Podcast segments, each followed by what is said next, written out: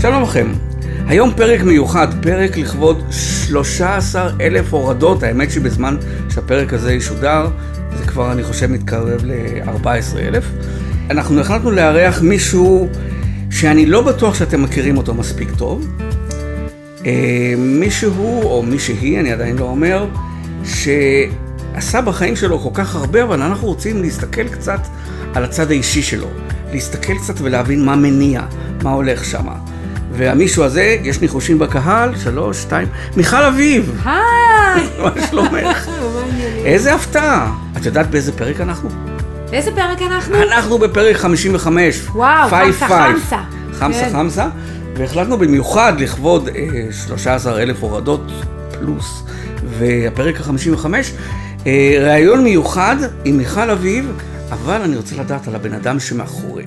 מה בעצם הניע אותך? הרי היום את עומדת בראש שלושה מיזמים מאוד מאוד גדולים בעולם התיווך.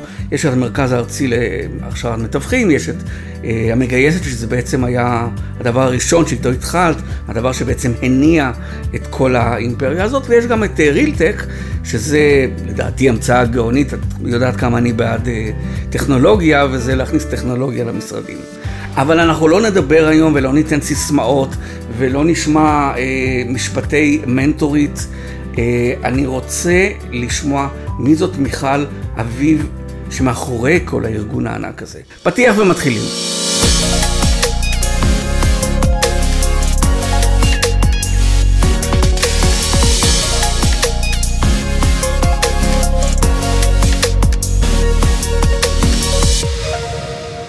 אז התחלנו. אני רוצה, דבר ראשון, לשאול אותך, את יודעת, מעבר לכל התיווך וכל העסקים, מי זאת, מי, מי את? מי, מי זאת מיכל אביב? בנשמה, מאיפה זה בא? אז קודם כל, אה, למי שלא יודע, אני נשואה. יש לי שתי בנות מקסימות, אור והילה, שהשמות שלהם מחוברים, וגם נבחרו בקפידה. אור והילה, שניהם אור. קשורות בהילה. נכון, שני, נכון, שניהם מוטיבים של אור, אה, כי הם האור בחיי.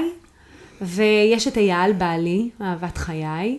רגע, אני אשאל, מי הבכורה? אור, אור היא הבכורה. אור היא הבכורה. נראה. ואני, מכל הקליפים שראיתי ב, בסטוריז, יש לי תחושה שאור הולכת להיות מיכל אביב, והילה הולכת אה, לקריירה שונה לגמרי. אני, אני בכיוון, אה, עדיין מוקדם לדעת, אור בסך הכל בת תשע והילה בת שבע וחצי. לכל אחת מהן אה, אישיות בפני עצמה, והן לא צריכות להיות כמו אימא שלהן, הן צריכות אה, להיות כל אחת. הגרסה הכי טובה של עצמה. כן. הסדר יום שלך הוא אה, משוגע לחלוטין.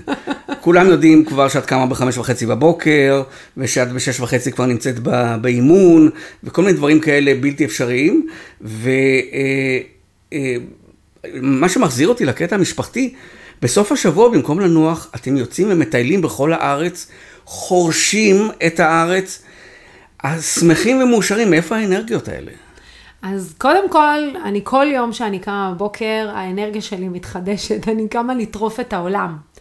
באיזשהו שלב בחיים הבנתי שהם, שאם אני רוצה לנצח את החיים של עצמי, אז אני צריכה להפסיק לחשוב שהחיים שלי זה פרומו. אני צריכה להבין שבשביל באמת ליהנות מהחיים, אני צריכה לחיות אותם כאן ועכשיו, אה, לא להתאבד ולא גם אה, להתערף, אבל אה, כן ליהנות ולמצות. ומתוך המקום הזה שהילדות לא רואות אותי הרבה באמצע השבוע, וגם בעלי לא. אז סוף שבוע, זה הזמן האידיאלי, ואם אני רוצה לנטוע חוויות, בסוף זה מה שנשאר לנו, חוויות, וזיכרונות טובים אצל הילדות שלי, אז אני צריכה גם להשקיע, לצאת ולעשות ולאסוף את החוויות האלה ביחד איתם. לנצח את החיים זה, זה ongoing thing, זה לא משהו שניצחת ואז את נחה. נכון. את, את צריכה לנצח כל יום מחדש. נכון. אז אה, זה דורש כוחות מיוחדים, זה דורש, זה דורש, אה, זה דורש קצת התארגנות, זה דורש לסדר את המוח. זה דורש, מה את עושה בשביל, אה, מה, מה קורה ביום ש, שאת עייפה, ביום שאת אה, לא בא לך, אה, רבת עם איזה לקוח, מה את עושה ביום שקשה? אז אה, כשקשה לי, אני מיד אה, משתמשת בכלים שסיגלתי לעצמי, שמשפיעים על המצב רוח שלי. אה, בעיקר מוזיקה, אני יכולה להקשיב לפרק פודקאסט כזה או אחר, או הרצאה, או סרטון מוטיבציה, ואני גם יכולה לעשות רגע עצירה ולהתבונן אה, שנייה, ולשאול את עצמי מה קרה. אם באמת אה, מה שקרה שווה את זה ששאר היום שלי ייחרב וייהרס, והמצב רוח שלי ישפיע על כל מי שנמצא סביבי, או ששווה לי שנייה לעצור, לנשום עמוק, להיטען, אם אני צריכה את השעה השקט, אז לקחת את השעה השקט הזאת, אה, ובכל זאת להציל את היום, ובכל זאת אה, לייצר את המיטב שאני יכולה מאותו היום. ואם גם זה לא עובד, אז הולכים לישון, ומחר יום חדש. אני אלחץ עוד קצת בנושא הזה. כי את מתארת פה בן אדם מושלם, ואני נוטה להאמין שזה ככה, אבל לא רגע, מושלם, רגע, ממש יש לא. פעמים, ואני ראיתי אותך בעצמי, מאוד מאוד עצבנית על משהו, וגאד דמת, אני, אני רוצה לשרוף את העולם ברגע זה. נכון. יש רגעים כאלה, זה לא שאת... ומה ראית אותי עושה אחרי זה? אחרי ששמעת אותי אה, משתגעת, מיד מה נכנסת עשיתי? לאיזה שיחת טלפון עם איזה לקוח והכל בסדר. נכון. בסופו של דבר, בשביל להצליח לנהל את היום, אני צריכה קודם כל לנהל את עצמי, ולנהל את הרגשות שלי. לפעמים זה מצליח לי יותר, ולפעמים זה מצליח לי פחות. ואני אני פשוט בן אדם מתקדם, אני משתדלת לא, לא לחטט בתוך הדברים. אם אני יכולה לטפל בזה, עכשיו אני מטפלת, ואם אני לא יכולה, אני מניחה לזה ומתקדמת. לפני שנסגור את הנושא הזה, אה, אה, משהו שאמרתי שאולי לא נעשה ברעיון הזה, אבל בכל זאת זה- חשוב לדעתי. מה את מציעה לסוכן נדל"ן או לבן אדם, כל בן אדם שנמצא בסוג של עסק שצריך, שדורש את תשומת ליבו כל הזמן וריכוז מוחלט, מה, איך, את, איך את מציעה לו אה, לשמור על מתח גבוה כל הזמן? אני מציעה, כמו שאנחנו הולכים לחדר כושר, ואנחנו משקיעים מאמץ תדיר לעבוד על השריר שלנו, אנחנו צריכים להשקיע את אותו, את אותו המאמץ בלעבוד על המוח שלנו, בלנהל את עצמנו, לנהל את הרגשות, אה, להשקיע באופן תדיר בתכנים שהם תכנים שמזינים את המוח, אה, חשיבה חיובית והוקרת תודה, ולעצור שנייה ולהתבונן למה אני בכלל נמצא כאן, מה עשיתי, מה הייתי רוצה שיקרה מהיום הזה, ולזכור ש, שכל רגע שעבר עבר, עבר ולא יחזור. עוד דבר, המוח תמיד לוקח אותנו לספטי זון. המוח נכון. לוקח אותנו תמיד לאזור הנוחות, שבו אנחנו לא רצים קדימה, אלא אנחנו מרשים לעצמנו הרבה לנוח, והמוח עובד נגדנו הרבה פעמים. נכון, כי התפקיד של המוח זה לעזור לנו לשרוד, לא לעזור לנו להצליח. המוח צריך לעזור לנו, הגוף שלנו צריך לעזור לנו להישאר בחיים.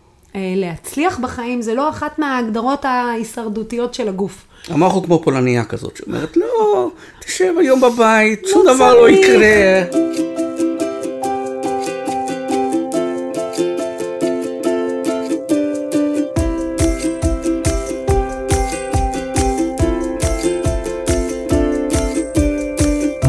מה עשית בצבא? בצבא הייתי במודיעין שדה, הייתי בתפקיד כזה שנקרא קשתית,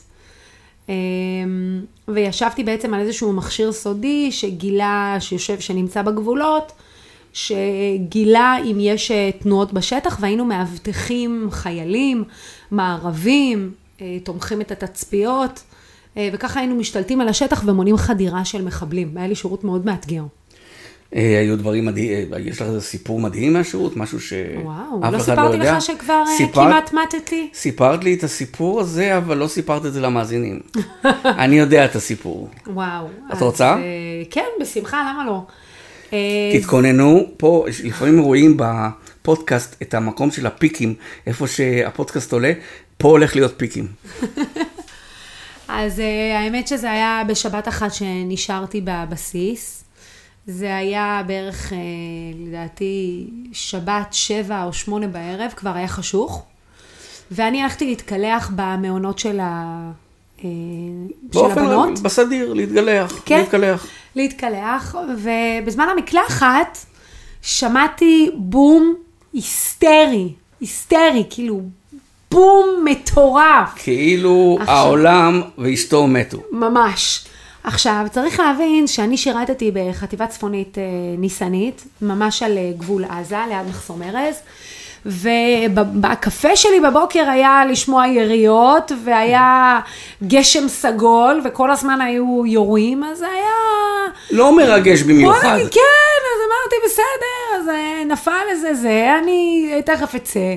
והכל אה, היה בסדר. להתקלח. המשכתי להתקלח, שמתי, שמתי עוד מרכך, אני אפילו התמהמהתי והייתי מבסוטה, גם הייתה לי סלסלה כזאת מדוגמת. של ה- של עם אה, האמבטיה. שמפו כזה ומרכך וקרמים וכל הזה. והיה בום, נו, כן, היה. וכמה דקות אחרי זה, אני לא זוכרת בדיוק, אני פותחת את הדלת של המקלחות, ואני רואה את כל המגורי בנות, חוץ מהמקלחת. מלא, מלאים בחיילים. ובחוץ אני שומעת גשם סגול, גשם סגול, שכאילו זה. ואני לא קלטתי, ואנשים הסתכלו עליי, כאילו באתי מהמתים. עכשיו, בשלב הזה אני לא באמת הבנתי מה קרה. אמרו לי, חיילת, רוצי, רוצי, משהו כזה, ואז רצתי לחדר, היה חשוך כזה, כל ה... כל כאילו הבסיס. מעונות. כן, והתלבשתי מה שראיתי, ויצאתי, והלכתי לזה. לראות מה קרה שם. אחרי חצי שעה אני מגלה שנפל פצמ"ר, רק שהפצמ"ר נפל על המקלחות נשים. זאת אומרת, אם המקלחות נשים חלילה לא היו בטון, הם לא היו אה, מה שנקרא מבנה אה, ממוגן, כנראה שהשיחה בינינו לא הייתה מתקיימת. המים המשיכו לזרום. ואני זוכרת חודשים, חודשים עוד דיברו על החיילת שנפל עליה פצמ"ר, נפל פצמ"ר על המקלחות. אז, כן, אה, והיא יצאה משם כמו בנס. כן, ממש ככה, עם המגבת והסלסלה והמגבת על הראש, תד- תדמיין כמה סוריאליסטי זה היה. ישר אחרי השחרור, לאיפה הלכת? אחרי השחרור החלטתי שאני רוצה אה, לנסוע לארצות הברית, ולא היה לי כסף. זה היה כמה שנים אחרי שההורים שלי פשטו רגל, וזה לא היה מה שנקרא יעד אה, קרוב. אבל היה לך אה, drive לעשות כסף, אולי בגלל שהמשפחה... זאת אומרת, זה היה, אני אציל את הכל כזה? זה היה יותר, אה, זה, זה בעצם לימד אותי החוויה הזאת להיות אה, self-reliant. זאת אומרת, לסמוך על עצמי, אה, ולהבין שאם אני רוצה שמשהו יקרה, אז כנראה שאני צריכה לקחת אחריות ולעשות את זה, כי להורים שלי יש מספיק דברים על הראש שלהם. אז היעד הראשון שלי היה קודם כל לחסוך כסף לקנות רכב, כי העצמאות זה היה הדבר שהכי עניין אותי באותה תקופה. באמת עשיתי את זה וקניתי דייצה שרייד, שנת 91, לבנה. שמאוד מאוד אהבתי. והיעד הבא אחריו היה באמת אה, לחסוך כסף, אה, לנסוע לארצות הברית, לעבוד בעגלות. Which you אה, did, which you did. נכון, I did. באמת חסכתי עוד איזה שנה, ועברתי לגור בארצות הברית, בלוס אנג'לס, ובאמת עבדתי בעגלות, הייתי חצי שנה בארצות הברית, ואפילו היה לי חלום אה, לקנות לאימא שלי כרטיס טיסה ולהביא אותה, ובאמת אה, גם ביעד הזה עמדתי. אני- מאוד גאה בעצמי. אני חייב אה, לעצור רגע ולומר שאני, אם הייתי חצי שנה בארצות הברית, קרוב לוודאי הייתי נשאר שם, מכיוון שארצות הברית היא באמת ארץ האפשרויות הבלתי מוגבלות, ואת יכולה באמת, אם יש לך את השפה ואם יש לך אה, ויזה להישאר שם, אני חושב שיש הרבה מה לעשות, בטח בעניין של להצליח. אה, ועזבת וחזרת לארץ. נכון. אני רוצה להגיד לך משהו על ארצות הברית. בארצות הברית יש... אה, היית פעם בארצות הברית? הייתי בניו יורק והייתי בסן פרנסיסקו לאחרונה. אז תמיד הפירות בארצות הברית נראות, נראים ענקיים נכון, כאלה, אבל הם לא... אבל אז אתה תואם אותם והכל, אה, והכל קמחי. כן. ככה הרגשתי על ארצות הברית, זו באמת אנלוגיה למה שהרגשתי. זאת אומרת הרגשתי שהיא שהכל ריקה. גדול, והכל יפה, והכל וואו, אבל אין בו טעם, אין בו מהות. החיים שלי, השורשים שלי, החברים שלי, המנטליות שלי, היא, היא בישראל, היא לא כאן. כאן זה לא הבית שלי.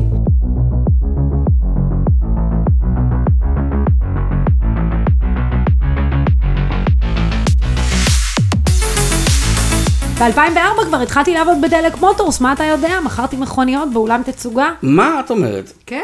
את לא היום? היום לא, היום את יכולה למכור לי מכונית? זאת אומרת, היום אם אני אומר לך, את יכולה להסביר, זה מנוע טוב, זה זה פה ה... קודם כל חד משמעית כן. אני גם, כשהגעתי לדלק מוטורס, אז uh, רמת המקצועיות אליה נדרשתי הייתה מאוד גבוהה. אני ישבתי ולמדתי מפרטים טכניים, מה זה מומנט ומה ההבדלים במומנט בין פורד פוקוס לטויוטה קורולה, למאזדה 3. זה לא קצת עבודה מה המרחק לגבר? סרנים. זה לא קצת עבודה לגבר? לא, אין דבר כזה עבודה לגבר, ולדעתי אישה, אישה יכולה לעשות הכל יותר טוב. Everything you can do, I can do better. אני אוקלי. אשת זה בכלל. אל תיקח אותי לשם, כי אני בכלל חושבת שנשים אה, יכולות וצריכות לנהל את העולם. לצערי, ייקח לזה עוד כמה עשרות שנים עד שזה יקרה. טוב, בוא נגיע לימים האלה. אה, את אה, בשלב מסוים אה, מתאהבת בתיווך באיזושהי צורה. מה, איך זה קרה? האמת שאני לא... לא התאהבתי בתיווך, זה יותר כמו החיים סתרו לי כמה פעמים. הגעת במקרה? כן, הגעתי במקרה. הגעתי בגלל ונשארתי כי.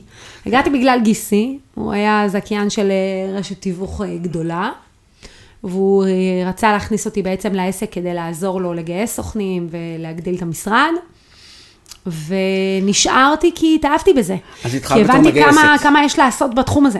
התחלת בתור מגייסת, ממש. נכון, ממש. בתוך, בתור מגייסת סוכנים, שלא הבנתי בכלל מה זה התפקיד הזה, דרך אגב. אגב, כאילו, הרבה זה מאוד לא- אנשים, אה, אה, אה, את בעצם, אני לא יודע אם סיפרתי לך, אני עבדתי כדי-ג'י עוד מגיל מאוד מאוד צעיר, ואני כאילו המצאתי את המקצוע בשביל עצמי. את המצאת את, את, את כל נושא, אה, מה זה מגייסת, אה, גם כן, בנית את זה מתוך אה, ידע, מתוך הבנה של מה שקורה בחו"ל, ובעצם הפכת את זה למשהו שהוא, בואי תנסי להביא אנשים למקצוע. קודם כל, כל דבר שאני עושה, אני בן אדם מאוד טוטאלי, אז כל דבר שאני עושה, אני מתאבדת עליו. אה, אז כשנכנסתי לתפקיד הזה ולא הבנתי כלום עליו, אז קודם כל קיבלתי מהרשת אה, והלכתי והשתתפתי בכל סמינר, הדרכה, whatever, כנס שיכל להיות בנושא הזה ויכל לסייע לי, אני הייתי שם. למד, למד, למד. כן. בנוסף לזה, לא הסתפקתי. התחלתי לקרוא איך עושים גיוס לשיווק רשתי. למרות שזה לא כל כך זאת אומרת, דומה לא לעולם קשור שלי. לזה. כן, והלכתי לראות איך מגייסים בענף הכללי. ואיזה שאלות שואלים בראיון קונבנציונלי, למרות שידעתי שאני הולכת לראיין אה, עצמאים. והתחלתי ככה לחקור מפה ומפה ומפה ומפה, ובניתי וגיבשתי לעצמי איזושהי דרך עבודה שהצליחה. ואז כשאנשים התחילו לשאול אותי איך אני עושה, והתחלתי ללמד את זה אנשים, אז שכללתי כל הזמן את עצמי עוד ועוד ועוד ועוד. וכשיצאתי מאותה רשת, ידעתי שעליתי כאן על משהו, והלכתי והשקעתי בפיתוח הדרכה, ובניתי תוכנית הכשרה. פר אקסלנס למגייסות. שזה דבר כאילו שבכלל לא היה קיים, לדעתי זה לא קיים עד היום, כן? כן. והפכתי כאילו את הדבר הזה שנעשה, ממש לדיסציפלינה עם דרך ושיטה. אחרי זה גם עשיתי את אותו דבר על הכשרת מאמנים, התחלתי לגייס מאמני סוכנים, ואז הייתי צריכה להכשיר את המאמני סוכנים, אז עשיתי את אותו דבר ובניתי לזה הכשרה. ואז התחלתי ללוות משרדים בהקמה, ואז עשיתי ייעוץ עסקי, וככה העסק שלי כל הזמן גדל וגדל וגדל וגדל, כי כל הזמן שאבתי למידה גם מעולמות אחרים שלא קשורים לענף התיווך עכשיו קצת ונדל"ן. trick question, כי אה, משרדים גדולים עשו את זה לפנייך, או עשו את זה בתקופה ההיא. משרדים גדולים בארצות הברית, משרדים גדולים ב, ב, בארץ, היו תוכ, תוכניות שהן היו כתובות. האם לקחת ושכללת אותן? האם לקחת והתאמת אותן? במה זה שונה? קודם כל יש מתודות, אה, יש מתודות עבודה כבר שקיימות. קיימות אה, ברשתות הגדולות, אנשים. כן, לגבי גיוס אנשים, לגבי הכשרה של אנשים, לגבי ניהול אנשים. בסוף יש דיסציפלינות אה, קיימות, גם מענף הנדל"ן וגם מחוצה לו. מה שאני עשיתי זה בעיקר בעיקר להאזין ולהבין מה קורה בקנדה, בארצות הברית, בצפון אמריקה, באירופה, ולעשות אדפטציה אדפטציה. לשוק שלנו. כי תראה, השוק בארצות הברית, יש הרבה מנטורים בארצות הברית, מנטורים לנדל"ן, אה, וגם בקנדה, גדולים וטובים וחזקים. אבל אופי הלקוחות שונה. אופי הלקוחות שונה, המנטליות שונה, השימוש שם במתווך, אם 93% משתמשים במתווך, אז אין להם פרזנטציה איך צריך להסביר לבעל הנכס למה נכון לא לקחת מתווך. כי שמה, ברור שלוקחים מתווך, פשוט השאלה היא איזה. וגם בארץ היו- יש את המתודה הזאת של אה, אתה לא תמכור לי שום דבר, אני מספיק טוב בשביל עצמי. עכשיו היה כנס אה, מתווכים ענק בנתניה שדיבר רק על זה, נכון. על הקטע של איך למכור לישראלי, שהוא מרגיש שהוא הרבה יותר טוב ממך, ו- ויש פה את המתודה הזאת של אל תעבוד עליי. נכון. אני אנצח תמיד. נכון, בהדרכה באמת, בדיוק כמו שציינת, ביום השתלמות שעשינו בכנס של המתווכים בספטמבר, אז בדיוק באמת עשיתי על זה הדרכה מקיפה, על העניין הזה של איך אנחנו מצליחים להעביר לבעל הנכס את המסר שנכון לא למכור עם מקצוען ולא למכור זה... לבד. עכשיו, הרצאה כזו לעולם לא הייתה מתקיימת, לא בארצות הברית ולא בקנדה. לא, השוק היא... שלהם לא נמצא לא, שם. לא, לא, לא, יכול להיות שהרצאה כזאת הייתה מתקדמת, אבל הייתה מדברת אל לקוח לגמרי בשיטה אחרת, כי הלקוח יודע שהוא צריך מתווך. הלקוח יודע איך, זה היה איך לא לשכנע אותו לקחת מתווך, אלא איך להתנהל איתו אחרי שהוא הסכים מיידית. נכון, איך לעשות את הבידול אל מול מתווך אחר שכנראה מתחרה איתך על הנכס. בדיוק. כאן המתחרה הגדול ביותר שלנו הוא לא המתווך לידינו, אלא בעל הנכס. שבטוח שהוא יכול לעשות עבודה טובה מספיק ולמכור את הבית שלו בלי לשלם תיווך. כי אנחנו ישראלים יודעים הכל, עושים הכל, הכי חכמים בעולם. אני, אני ולא אף אחד, כולם טיפשים, רק אני חכם. משהו כזה.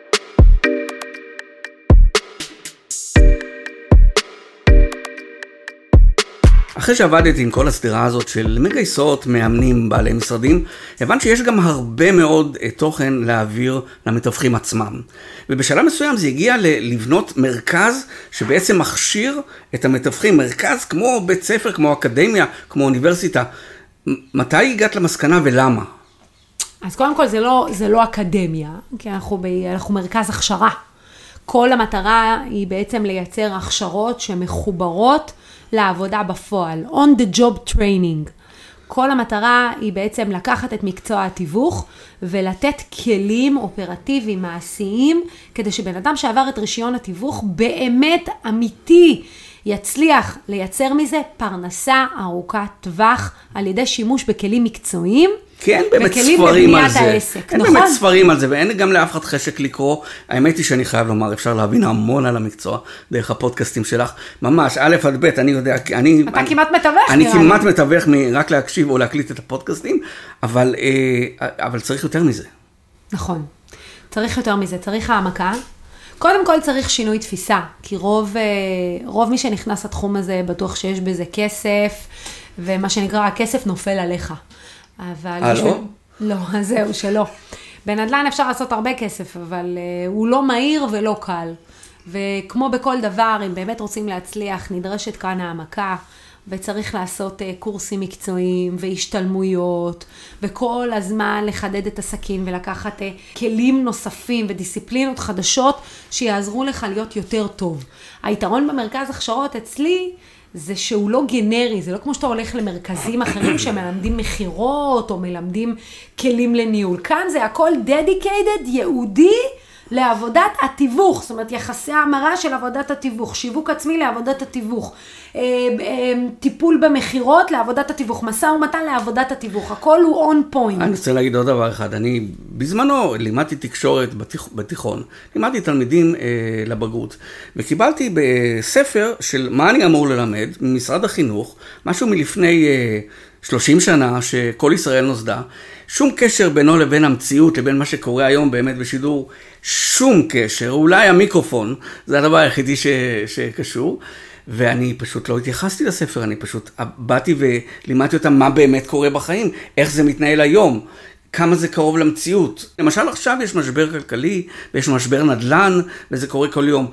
זה משהו שמתבטא ב, ב, בכל הגישה שלך לאיך ללמד? זה משהו שמתבטא בתוכן המקצועי באותה תקופה. זאת אומרת, אם אנחנו מעבירים הדרכה מקצועית, או עושים מנטורינג למתווכים, או מעבירים קורס מקצועי, אז אנחנו מתאימים את אותן התנגדויות, נקרא לזה, רלוונטיות, או את רוח התקופה, לזמן שבו המתווך פותח את העסק שלו.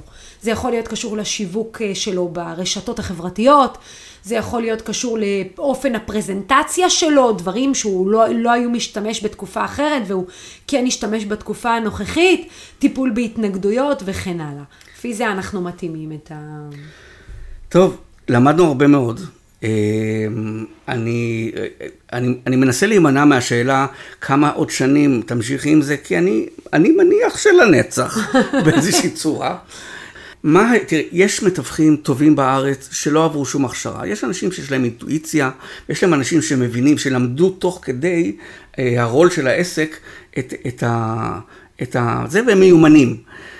אבל הרוב לא. למה באמת, למה באמת זה כזה חשוב לעבור את ההדרכות האלה, ולמה זה באמת חשוב לעבור דרך מתודה מסוימת של הדרכה. איך את משכנעת סוכן שבא משום מקום ואומר אני יכול הכל לבד, למה הוא צריך ללכת וללמוד, לחזור לבית ספר? צריך, כשאנחנו נותנים את התשובה לשאלה הזו, צריך לחלק אותה לשניים. התשובה, החלק הראשון זה באמת המתווכים החדשים שנכנסים לענף. המתווכים החדשים שנכנסים לענף צריכים את המתודה המעודכנת ביותר. הם צריכים להבין איך לעשות דברים נכון, ללמוד מה שנקרא לבוא טבולה ראסה, לספוג את כל הכלים שהם יכולים לספוג, ועל זה להוסיף את, את מה שלהם, שיש להם. את הניסיון שמגיע. את הניסיון כן. שלהם מעולמות אחרים. מתווכים פעילים שנמצאים בענף הזה המון המון המון זמן, כבר סיגלו לעצמם איזשהו פורמט. יכול להיות שהפורמט הזה עובד רק בחלק מהזמן, יכול להיות שאם הם יסגלו לתיק שלהם עוד כלים חדשים, הם יעזרו לעצמם להיות הרבה הרבה יותר טובים. בוודאי שכן. כולנו כאנשי עסקים, כיזמים, כאנשי נדל"ן, אנחנו לא מפסיקים ללמוד אף פעם. אנחנו כל הזמן לומדים דברים והם הופכים אותנו להיות גדולים יותר ממה שאנחנו. ככה אנחנו גדלים ומתפתחים. יצא לי לראיין הרבה אנשים בכנס, וכמעט כולם אמרו, למדתי פה משהו חדש שלא ידעתי, אני רואה שהכלי הזה יכול לעזור לי, אני בחיים לא הבנתי שאני יכול uh, לעשות את זה ככה. אנשים מקבלים אינפוטים, ו- והם בעצם מגדילים את ה... את היכולת שלהם למכור, זה בעצם כסף, מדובר על כסף. בסופו של דבר מדובר על הגדלת הכנסות בצורה משמעותית. נכון. אני גם יכולה להגיד לך, הרבה פעמים אה, אנחנו יודעים את הכל, אבל פתאום כשהם מציגים לנו את זה בצורה אחרת, אנחנו פתאום מבינים את זה אחרת. או לפעמים כשחולף זמן, למדנו משהו בזמן מסוים, ואז אנחנו פוגשים את המידע הזה עוד הפעם, ואנחנו מקבלים אותו אחרת. ואחד הפידבקים הגדולים שאני מקבלת זה ש... וואו, אני כאילו, אני, אני ידעתי את זה, אבל אני לא הייתה לי העמקה לזה, אני לא הבנתי את זה ככה, או לא הבנתי את זה מנקודת המבט הזו. קרה לך פעם שראית סרט טוב בתקופה מסוימת, ואז ראית אותו אחרי שנה, שנתיים, ופתאום קלטת דברים שלא קלטת בפעם הראשונה, בצפייה הראשונה, זה הרבה, בדיוק זה. קרה לי שראיתי סרט, ואז ראיתי אותו עם החבר, וזה היה לגמרי אחרת, כי בעצם היה אכפת לי איך הוא רואה את זה, והסתכלתי פתאום בעיניים שלו, וזה פתח לי דברים שלא ראיתי מעולם. בדיוק, וזה בעצם העמקה מחודשת. העמקה המחודשת הזאת מייצרת תובנה, והתובנה הזו לוקחת את הדברים שעשיתי עד כה ומשכללת אותם ומשייפת אותם. וזאת הסיבה העיקרית שבגללה אנחנו כל הזמן צריכים להיות מחוברים לעץ הידע. וחלק מהחזון הגדול שלי הוא להיות הגוף הזה שבעצם מספק את הידע הזה, עוזר ל- ל- לאנשים לבוא ולקחת מעץ הדעת. הרי למה אנחנו מחזיקים את הקבוצת פייסבוק, את הוואטסאפ, את הפודקאסט, לטובת מה? לטובת העזרה לכולנו. כולנו נהיים יותר טובים כשכולנו, מה שנקרא, שואבים השראה. אני אגיד עוד דבר, בדיוק לגבי השראה. הרי לפעמים יש את המשפטים האלה שאנחנו רואים של המנטורים בטיק טוק, והם אה, אומרים לנו משפט ואנחנו אומרים, וואו, זה משפט גדול, זה משפט מדהים, ואחרי שבע דקות מקסימום, אנחנו שוכחים אותו. נכון. ואנחנו לא מכניסים אותו לחיים שלנו. נכון. מה שאת עשית בעצם בהדרכות האלה, שאת לוקחת את התורת חיים הנכונה שהמדריכים אומרים, ועושה את זה day by day, איך זה עוזר לך בנושא התיווך. נכון, כי אני, המטרה שלי היא לא להעביר את החומר כאילו הוא שיעור, אלא המטרה היא להעביר חוויה. אנשים לא זוכרים מה שאומרים להם, הם זוכרים מה שהם הרגישו. כן, חוויה זה מה שמדבר, אתה מוכר לבן אדם חוויה, לא מוצר. בדיוק, ואם הם מצליחים להתחבר, למה בהדרכות שלי למשל אני מדברת הרבה על נקודת המוצא של בעל הנכס, על נקודת המבט שלו, על הקונפליקט מעיניו. כי אם הסוכן, המתווך, יבין את נקודת המבט של הלקוח שלו, הוא יוכל לתקוף את זה בצורה אחרת. כי כל עוד אני רואה את הסיטואציה מנקודת המבט שלי, אני, אני צריך לאלץ את הצד השני לראות כמוני, אני צריך להתאמץ לשכנע אותו. אבל כשאני מבין איך הוא רואה את הדברים ומציג את, את המסרים שלי דרך נקודת המבט שלו, היכולת שלי לשכנע אותו גדלה פי כמה. זה סתם לדוגמה. והוא, והוא מרגיש שהוא שכנע את עצמו. הוא גם נכון. לא מרגיש שאני שכנעתי אותו, הוא בטוח שהוא הסביר, שהוא הגיע למסקנה הזו לבד. זה הכי טוב. בוודאי, זה הכי טוב. זה, זה, בוודאי. זה כל בעיה לדעתי שאתה רוצה לפתור. סתם ניתן לך דוגמה, בעיה שילדים אה, בבתי ספר מעשנים סמים. אז אפשר ללכת במתודה של רע מאוד ו- ו- ולהעניש אותם ולהכניס אותם לכלא ו- ו- ולמנוע מהם דברים, אבל השאלה האמיתית היא למה הם הגיעו לשם. מה מביא אותם? מה מניע אותם? מה חסר מה להם שהם חסר מחפשים את להם, הריגוש הזה? ואז אני אשים להם את מה שחסר ואפתור את הבעיה, במקום לתקוף אותם. במקום שמתווך תוקף אה, מוכר, במקום אה, להסביר לו ולתת לו להבין בעצמו שהוא צריך את המתווך. נכון.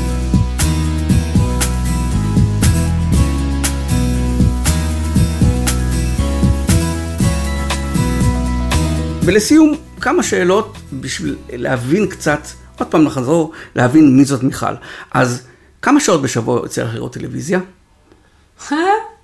אמ, אני רואה פרק אחד של פאודה בשבוע, ואני רואה תמיד את החדשות בלהריץ מהר, כי אני רואה את החמש דקות הראשונות, ואז אני מריצה את כל המהדורה. כמוני. וזהו פחות או יותר. כמוני אגב. זהו, אין לי עוד, אה, ואולי בשישי שבת, אם אני רואה סרט עם בעלי, זהו. מה הסרט האחרון שראיתם? וואו, הפרפר. וואו, סרט מדהים על מישהו שממש בשנות ה-20 אה, נקלע בכלא הצרפתי, שהיה זרוק באיזה אי והצליח לברוח, וככה ארבע פעמים הוא הצליח עד שבאמת, אה, הוא ניסה עד שבאמת זה הצליח, וואו, סיפור מדהים. אני בעיקר אוהבת אה, סרטים שמבוססים על סיפורים אמיתיים, דרך אגב. איפה את הכי אוהבת לטייל בארץ? בכנרת. באמת? כנרת זה המקום האהוב עליי, האהוב עליי. היה- חלמתי שיהיה לי בית בכנרת, ואולי אני גם עוד אגשים את החלום הזה. אם לא היית אה, עוסקת בתיווך, זו שאלה שכולם שואלים. מה היית עושה היום אם לא היית נופלת עם הדוד שלך שאמר לך, בואי תעזרי לי בגיוס? איפה היית לא היום? הדוד, גיסי. גיסך. איפה היית היום? אה, אין לי מושג, אבל אה, בטוח הייתי עושה משהו שיש לו השפעה. אני חושבת שהלמה הכי משמעותי שלי זה הרצון שלי להשפיע. הרצון שלי להיות דמות משמעותית בצומת דרכים בחייו של אדם, או בעזרה שלו להתקדם קדימה. אז כנראה שהייתי עושה משהו כזה, פשוט לא בתחום הנדל"ן. חו"ל, הרבה, קצת, איפה? חו"ל אוהבת מאוד, אה, קצת, אני צריכה לעשות הרבה יותר חו"ל. אה, יש לי כמה יעדים ככה, קרוב ביניהם הוא תאילנד, בפסח, מקווה שזה יקרה. מקווה. אה, לרקוד את יוצאת? כן, אני אוהבת לרקוד, אני לא יוצאת הרבה לרקוד, אין לי כל כך פרטנרים לדבר הזה, אבל הופעות? 40. הופעות? הופעות אני גם מאוד אוהבת. אה, יש כמה אומנים ישראלים גם שאני אוהבת מאוד. אני חשבתי שאם, רציתי להגיד, אם לא הייתי מתווכת, עוסקת בתיווך, הייתי רוצה להיות נועה קירל. לא? לא. היא הראשונה בתחומה, אפשר לומר. אוקיי, הייתי רוצה להיות הנועה קירל של, של תחומי. כן, אני עושה את- כל מה שאני יכולה להיות הנועה אז קירל יש של לי תחומי. בשבילך הפתעה, את הנועה קירל של תחומך, את לא שמת לב ואת צנועה.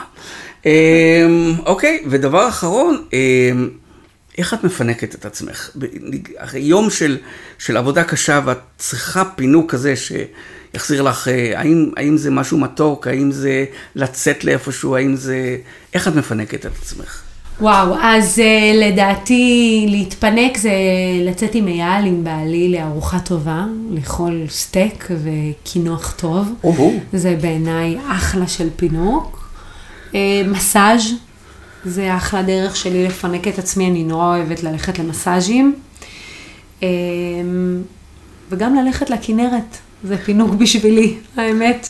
בשני הדברים לא אמרת, בשלושת הדברים לא אמרת משהו מתוק. נכון, למרות שאני אוכלת הרבה מתוק. צריכה לה- להוריד מזה. אוקיי. טוב, יש לנו עוד איזה פודקאסטים שבאים בזמן הקרוב שאת רוצה לספר לנו עליהם. יש לנו את אה, שחר איסקוב, שחר איסקוב, שהוא היה הכוכב של הפרקים, הוא... השיג הכי הרבה השמעות. כן, הוא השיג הכי הרבה הש- השמעות כפרק בודד.